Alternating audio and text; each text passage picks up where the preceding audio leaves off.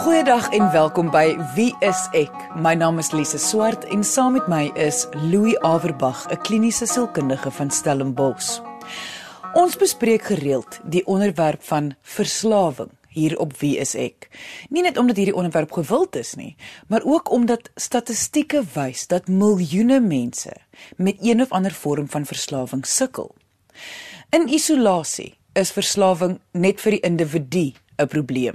Maar sien dat niemand van ons in isolasie woon nie, affekteer 'n verslawing nie net 'n individu nie, maar ook die mense om hulle, van geliefdes, familie, vriende en in die meeste gevalle ook kollegas by die werk. Vandag gaan ons kyk na seksverslawing wat net so 'n groot effek kan hê as alkohol, dobbel en dwelmverslawing.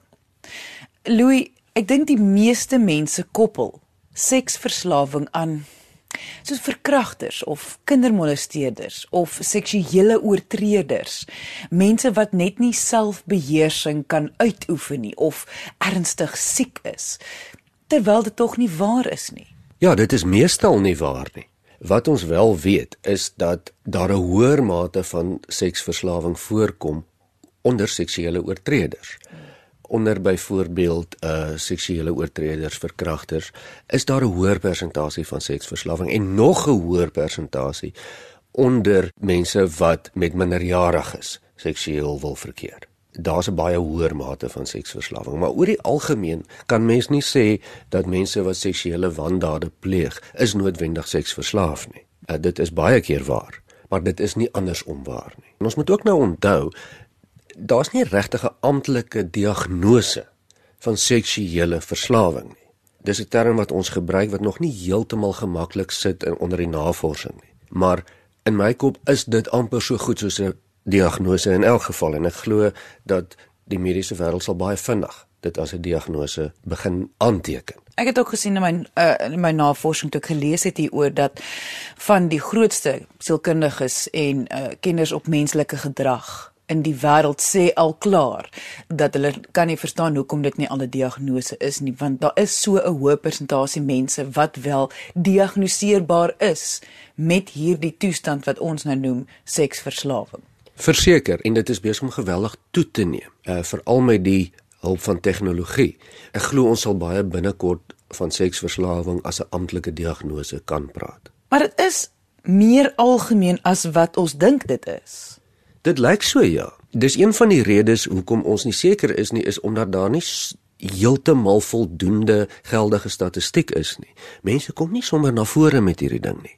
Mense is skaam hieroor. Dit lyk asof mans meer bereid is om openlik te erken dat hulle seksverslaaf is as vrouens, wat mens kan verstaan. Maar dit kom wel daarvoor. So die statistiek wat ons het en wat mens na kan kyk, kom van rehabilitasiesentrums van reg oor die wêreld oor, ook in Suid-Afrika, waar mense dan nou vrywilliglik opgeneem word vir rehabilitasiebehandeling. En die syfer is al groot genoeg by rehabilitasiesentrums dat daar baie sentrums en mense is wat spesialiseer net in seksverslawing. Om baie van seks te hou is tog nie vreemd nie. So wanneer is dit 'n verslawing teenoor iets wat jy maar net baie geniet? Verslawing gaan oor die moed. Dis die kompulsie. Ons kan dit vergelyk met enigiets. Daar's baie mense wat alkohol geniet, wat dobbel geniet, wat dwelms geniet, wat nie noodwendig verslaaf is daarin. Verslawing het te doen met die kompulsiewe deel van ek moet dit ten alle koste doen en verslawing word gedefinieer as iets wat jy nie net geniet nie, maar jy moet dit konstant doen sodat al die areas van jou lewe later beïnvloed word daardeur. Dis die verskil tussen om bloot iets te geniet en om verslaaf te wees aan iets. Of dit dan nou seks is of dwelms maak nie saak nie, is dieselfde ding. En as jy sê al die ander areas beïnvloed, beteken dit negatief beïnvloed. Negatief beïnvloed natuurlik. En daar praat ons van jou verhoudingslewe, jou sosiale lewe, jou werkslewe, jou binnewêreld ook waar dit negatief beïnvloed word. Jy het vroeër genoem dat dit die persentasie van mans is hoër as dit kom by seksverslawing teenoor vroue. Maar dit beteken tog nie dat vroue nie ook verslaaf kan raak aan seks nie. Jy is heeltemal reg en omdat die persentasie hoër voorkom by mans, weet ons dit is net mans wat meer geneig is om hulle self aan te meld. So ons weet nie of dit regtig hoor is nie. Wat ek wel weet is dat die persepsie dat seksverslawing net onder mans voorkom is baie baie onwaar. En daar's baie stigmas wat rondom hierdie ding gaan persepsies. Mans wat byvoorbeeld heeltyd aan seks dink. Uh die die voorveronderstelling dat seksuele verslawing of wangedrag uitsluitlik onder mans voorkom. Ons sien amper daai prentjie van dit is 'n man. Dit is gewoon net nie waar nie. Vroue is dus nie gespaar van die seksuele verslawing of van 'n seksuele wanfunksionering nie. Wat is die oorsaak van verslawing? Kom ons praat oor die algemeen enige verslawing of dit nou dobbel dwelms, alkohol of seks is. Wat is die oorsaak van verslawing? Kyk, dit is 'n baie ingewikkelde vraag. En hier kom ons terug na die vraag van waar speel biologie 'n rol en waar speel aangeleerde gedrag 'n rol. Maar dit lyk tog asof die basis van verslawing meer op die biologiese kant is. Natuurlik word daar baie faktore wat 'n rol speel soos die tyd aangaan in mense lewe. Met ander woorde, die chemiese beloning wat 'n mens kry deur herhaaldelik dieselfde ding te doen, blyk die grootste onderhouder te wees van verslawing. Met ander woorde, die herhaalde neurologiese patrone wat baie vinniger as wat mens dink gevormer word en dan herhaaldelik bevestig word wat dieselfde plesier effek neurologies vir jou gee, is die kern van verslawing. So wat wat mens amper wil sê is, is jou brein hou van daai herhaling en hy wil die herhaling die hele tyd hê. O ja, dit is en ons kan dit almal herken aan goed wat ons baie geniet of dit nou koffie is of dit dalk rook is of 'n 'n lekker kos is. Ons herken daardie vorm van genot as ons daai stof inkry. Uh dis amper asof jou liggaam vra daarvoor as dit sou sin maak. Nou daai is neurologiese paaie wat te same gaan met intellektuele funksies, met oordeelfunksies en ook terselfdertyd vir jou plesier verskaf neurologies. Nou kan jy mos nou mooi dink. Hoe meer jy dan nou die plesier ervaar, hoe minder word jou oordeel vir dieselfde ding en dit is baie eenvoudig gestel, maar dit is in kern die fisiologiese basis van verslawing. En die oorsaak van 'n seksverslawing sal dieselfde as enige ander vorm van verslawing wees. Dit lyk so ja. Dit lyk definitief so. Met ander woorde, die fisiologiese basis wat gevorm word deur die herhaaldelike gedrag gebeur baie vinnig.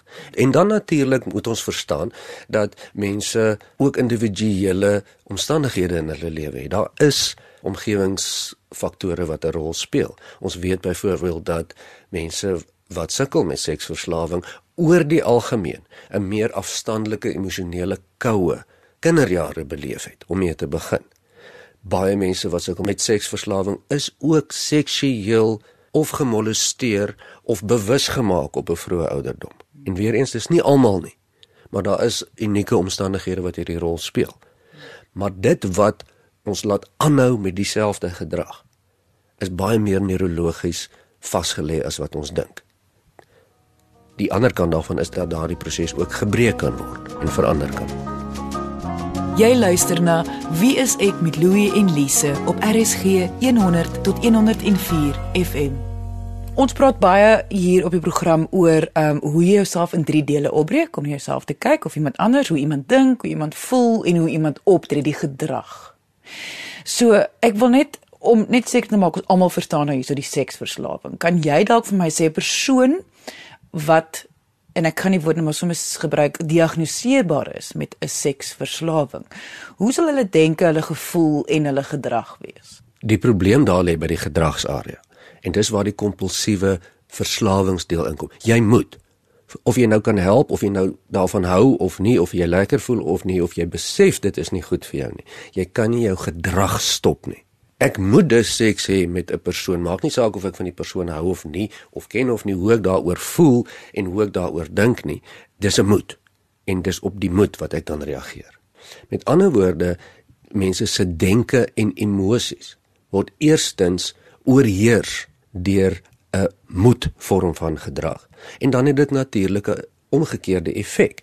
Meeste mense wat verslawende gedrag toon, voel sleg en skuldig en onseker oor hulle self as gevolg daarvan. So dit het 'n baie sterk emosionele effek na die tyd. Maar dit begin by die gedrag. Is die persoon met die seksverslawing bewus daarvan dat hulle verslaaf is of is dit 'n geval van ontkenning tot dit nou maar kom ons sê nou maar te laat is? Ge gewoonlik is mense nogal bewus daarvan mense is deeglik bewus dat damn it ek het 'n probleem. Hulle kan dit miskien nie noodwendig stel in seksverslawing in die terme nie, maar is bewus daarvan dat ja, dis daarom bietjie anders as wat ek sien by die meeste ander mense en dit lyk asof ek 'n probleem het. Ehm um, natuurlik hang dit af van die grade van verslawing soos met enige iets anders. 'n Ligte vorm van verslawing sal mense nie sommer agterkom dat hulle 'n probleem het nie want die effek of die negatiewe effek op hulle lewe is minder dis gewoonlik wanneer die terugvoer van die omgewing baie sterk raak wat mense agterkom. O genade, wag, ek het ek het dalk 'n probleem hierso. En net soos met enige verslawing kan 'n seksverslawing, kom ons sê dan in die ergste graad, uh, iemand se lewe amper ruïneer? Ja, absoluut en dit gebeur baie hoor. En ons praat nie nou hier van iemand van 'n tipiese klise van iemand wat die vrou skyn met die jong bokkie dan nou aangaan nie. Ons praat hier van herhaaldelike daaglikse seksuele gedrag. Of dit fisies is of dit uh, internet of foon gedrewe is, tegnologie gedrewe, dit is iets wat geweldig baie tyd opneem. En ander mense kom dit agter. So as jy dan in 'n verhouding is met persoon met 'n persoon wat met hierdie vorm van verslawing sukkel, gaan dit op 'n stadium in jou verhouding inkom jy gaan nie daarvan hou nie en meestal dan is dit waar die verhoudings dan skibreek lê.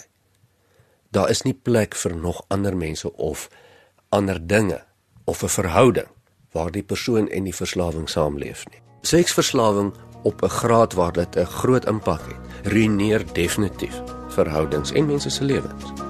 Ons gesels vandag oor seksverslawing, 'n vorm van verslawing of afhanklikheid wat net soos drank, dobbel en dwelms 'n geweldige destruktiewe effek op 'n individu se lewe kan hê. Louis, voor die advertensiebreek het ek jou gevra of 'n persoon bewus is daarvan dat hy of sy 'n verslaafde is. En jou antwoord het daarop neergekom dat net soos met enige verslawing, besef die persoon dit op een of ander vlak. Dit bring my by my volgende vraag. Voel die persoon nie dan vreeslik sleg of skuldig nie, juis omdat die gedrag glad nie aanvaar word deur die samelewing nie? Ja, definitief oor die algemeen weet ons dat mense wat sukkel met hierdie verslawing voel skuldig. Hulle weet dis 'n probleem. Hulle voel sleg en daar is definitiewe 'n koppeling tussen lae selfbeeld en verslawing, veral seksverslawing ons moet verstaan dat verslawing gaan ook baie daaroor om holtes te vul en leemtes te vul, nê. Nee. So jy kan dink, veral seksverslaafdes uh, sukkel om dit te aanvaar van hulle self. Hulle hou nie baie daarvan. Hulle weet dis 'n probleem. Wat is die tekens waarvoor iemand moet uitkyk om te sien of hulle nie dalk aan seks verslaaf is nie? Kyk, ons moet regtig dan onthou om na grade van verslawing te kyk. Met ander woorde, hoe meer intens die graad is, hoe meer gaan die tekens wees of hoe meer intens sal die tekens wees.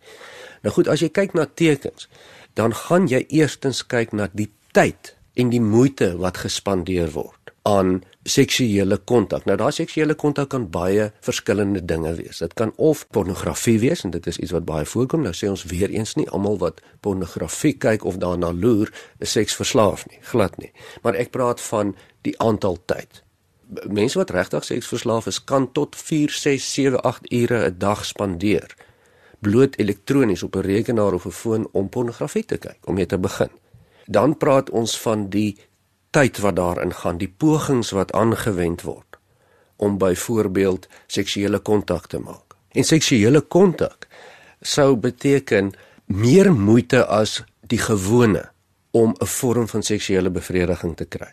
Soos byvoorbeeld gereeld 'n uh, prostituie besoek of herhaaldelike wat mense sal sê one night stands aanknoop, kortstondige seksuele avonture wat op sigself nie noodwendig verkeerd is nie, maar nou moet, nou moet ons verstaan as dit by 'n verslaafde persoon, by 'n seksverslaafde persoon gebeur, gebeur dit herhaaldelik, aanhoudend. Dis die reël, dit is nie die uitsondering nie. en die okkupasie met die gedagtes, die planne wat gemaak word. Ons gaan nou nie vanaand saam met die vriende kuier nie want die persoon sal eerder graag in die geheim wil miskien met iemand anders kontak maak of pornografie kyk of wat dit ook al is. Dit meng definitief dan in die lewe in. Nou dit impliseer dat ander areas van die persoon se lewe ly skade.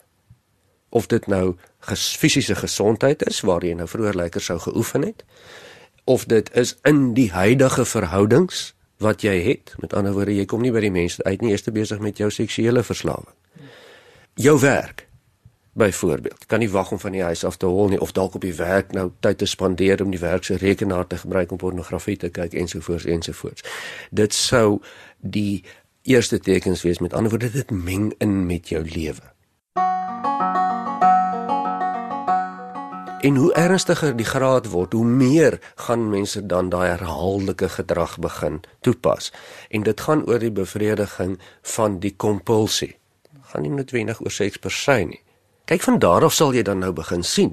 Die verslawing kom ook na buite uh sal probeer om met die kollega by die werk dalk te slaap en dan sommer met die ander kollega ook. As dit nou dalk reg gekry is net vir ingeval sommer met die sekretaresse ook of daardie persoon ook, dis 'n ek onthou ons praat weer eens van 'n kompulsie, dis 'n moed. Jy hou nie op nie, jy kan nie ophou nie.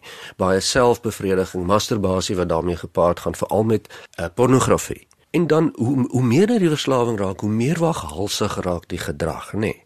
En en sit dit weer in konteks met enige tipe verslawing. Vergelyk dit nou sê maar met alkohol waar mense begin aan alkohol verslaaf is en dalk nou 3, 4 glase wyn drink oor 'n jaar is dit sommer 3, 4 bottels. Mm. En hier het ons dieselfde ding, dit eskaleer in gedrag. Met ander woorde, jy moet meer daarvan doen om dieselfde begin om dieselfde plesier daaruit te kry een verhouding wat jy nou laas maand aangeknoop is nie genoeg nie. Nou is dit sommer 2, 3 en so gaan dit aan. Dit sê jy basies amper op hierdie male meele gaan van verslawing. As jy nou sê gereeld herhaaldelik. Ek dink ek probeer nou dink aan luisteraars wat nou luister nou dink hulle oh, my man hou so verskriklik baie van seks en hy wil dit dit so gereeld hê. Ons praat nou hier van as jy nou sê gereeld praat ons nou nie van uh elke aand seks hê nie. Ons praat van ure in die dag. Ons praat nou van baie. Ja, dit gaan ook nie net oor die seksuele daad nie, dit gaan oor die preokkupasie met seks. Dis nie iemand met 'n gesonde seksdryf wat ons hiervan praat nie. Dis iemand wat die meeste tyd van die dag spandeer om aan seks te dink, planne te maak daaroor, deel te neem aan ander een of ander vorm van seksuele bedrywigheid, spel, gedagtes wat dit ook al dink dis nie met ander woorde iets wat deel is van iemand se lewe nie. Dit word hulle hele lewe en al die ander dinge moet daarbey inval. Nou, hoe sal jy het nou so baie goed gesê, ek probeer net dink as buitestander, hoe sal jy nou agterkom dat sien maar jou geliefde is dalk 'n seksverslaafde? Die probleem is dat jy dit nie altyd sal agterkom veral waar dit 'n ligte graad of 'n medium graad is nie, want dit is 'n privaat ding en 'n groot deel van seksverslawing is juis dubbele lewens wat gelei word. Hulle steek dit weg. Jok daaroor, manipuleer daaroor. Soveel sodat mense dit slegs agterkom as iemand dan reeds diep in die moeilikheid is. En ons praat nie nou hierso van net ontrou wees nie. Ons moet regtig hier 'n onderskeid maak tussen mense wat ontrou is, dalk 'n affairs het, uh, hier en daar verhoudings aanknoop en verslawing. Verslawing is die primêre fokus van 'n persoon se lewe. Dit beteken ander dinge kan nie eers kom nie. Sal enige iets los, al is dit 'n belangrike afspraak vir jou werk en dis die kern van verslawing. As 'n persoon se afhanklikheid van of aan seks nie so 'n reuse impak op 'n lewe het nie of funksionering het. Nou hulle is nie in 'n verhouding nie en hulle maak nie hulle mense nou seer nie. Uh, moet hulle dan nog steeds vir hulp gaan of is hulle maar okay om so aan te gaan. Kyk, dit hang regtig af van persoon tot persoon. Maar die probleem met verslawing is altyd eskalasie. Dit vermeerder altyd omdat mens herhaaldelik meer moet doen om dieselfde plesierbeginsel te kry. En as ek praat van plesierbeginsel, praat ek van neurologies. Jou plesierstowwe wat afgeskei word. Dit is tog waar die begin van al ons gedrag begin. En soos wat jy meer moet alkohol drink om jou verslawing te bevredig, so moet jy dan al hoe meer seksueel deelneem, dink, selfbevredig, wat dit ook al is. En op 'n stadium gaan dit tog so raak of dit oor, 'n week of oor 10 jaar is dat jou funksionering ingeperk word want dis wat verslawing doen. En dan sal jy in elk geval iets daaraan moet doen of baie uh baie lae kwaliteit van lewe lei. Jy luister na Wie is ek met Louie en Lise op RSG 100 tot 104 FM. Nou hoe werk die behandeling vir 'n seksverslawing want wanneer dit by dobbel, alkohol of dwelms kom, moet die persoon ophou. Hulle moet nou net nie meer dit doen nie of net nie meer vat nie of net nie meer drink nie. Nou ek kan tog nie indink dat jy vir iemand kan sê of van hulle verwag dat hulle mag nooit weer seks hê nie. Ja, jy is heeltemal reg en dit is wat behandeling met seksverslawing nogal moeilik maak. As mens verslaaf is aan kokaine, dan is die doel van die behandeling dat jy ophou kokaine gebruik en dit nie weer gebruik nie. So eenvoudig soos dit. Seksverslawing is egter moeilik. Seks is deel van menslike bestaan. So behandeling gaan van die begin af net soos gewone verslawing wees in die sin van om die patroon te te breek. Maar dit gaan dan ook nog 'n stap verder moet gaan. Met ander woorde, hoe om toepaslik seksueel te funksioneer sonder dat dit 'n ekstremiteit na die een of die ander kant toe is. En daarom gebeur dit al hoe meer deur die wêreld dat inrigtinge, sentrums, professionele mense spesialiseer spesifiek in seksverslawing omdat dit nie iets is wat jy heeltemal kan afsny nie. En in Suid-Afrika is daar nogal baie mense wat daarin spesialiseer en die ander helfte van die fokus van rehabilitasie gaan juis oor die emosionele aspek, die die skuldgevoelens wat daarmee gepaard gaan, die baie keer die depressie wat daarmee gepaard gaan, uh die gevoelens van ontoereikendheid en onsekerheid baie meer as met ander vorms van verslawing. Waar kan jy dan hulp kry indien jy vermoed jy het 'n seksverslawing? Daar is baie waarde daaraan om met mense wat met soortgelyke probleme te sukkel te gesels. Dit het 'n baie positiewe effek en dit is ook gewoonlik baie integraal deel van 'n rehabilitasieprogram om hierdie goed in 'n groepsverband aan te spreek. Maar waar jy sal begin is waar jy sou begin met enige vorm van verslawing wat jy vermoed jy het. Jy sal dadelik miskien maar kyk by jou by jou huisdokter wat jou heel waarskynlik sal verwys na iemand toe of jy kan kyk om by 'n uh, sielkundige uit te kom of selfs by 'n rehabilitasiesentrum uit te kom.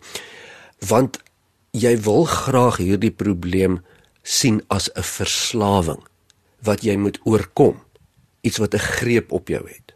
En dit is soos met enige ander vorm van verslawing makliker hoe vroeër. Hoe langer mens 'n proses laat aangaan, hoe meer vorm daardie neurologiese paaie in jou brein, hoe moeiliker is dit en hoe langer vat dit om uit daai gedragspatroon uit te kom. Ek kan absoluut verstaan dat dit moeilik is om na jou huisdokter toe gaan of na 'n professionele persoon toe gaan en te sê maar ek is verslaaf aan seks. Dis vernederend, mense voel baie keer skaam daaroor. Maar weet ook dat dit baie meer voorkom as wat jy dink en dat dit iets is wat ons weet dan wat ons weet ons kan hanteer en behandel. Uh so gaan eerder vir hulp want jy wil nie dat hierdie ding eskaleer en eskaleer later is jou hele lewe totaal oorgeneem. En dan is dit baie moeilik om om te draai. Indien jy enige vrae het oor vandag se onderwerp, kan jy ons kontak deur ons webwerf. Dit is wieisek eenwoord.co.za of deur ons Facebookblad onder wie is ek met Louie en Lise.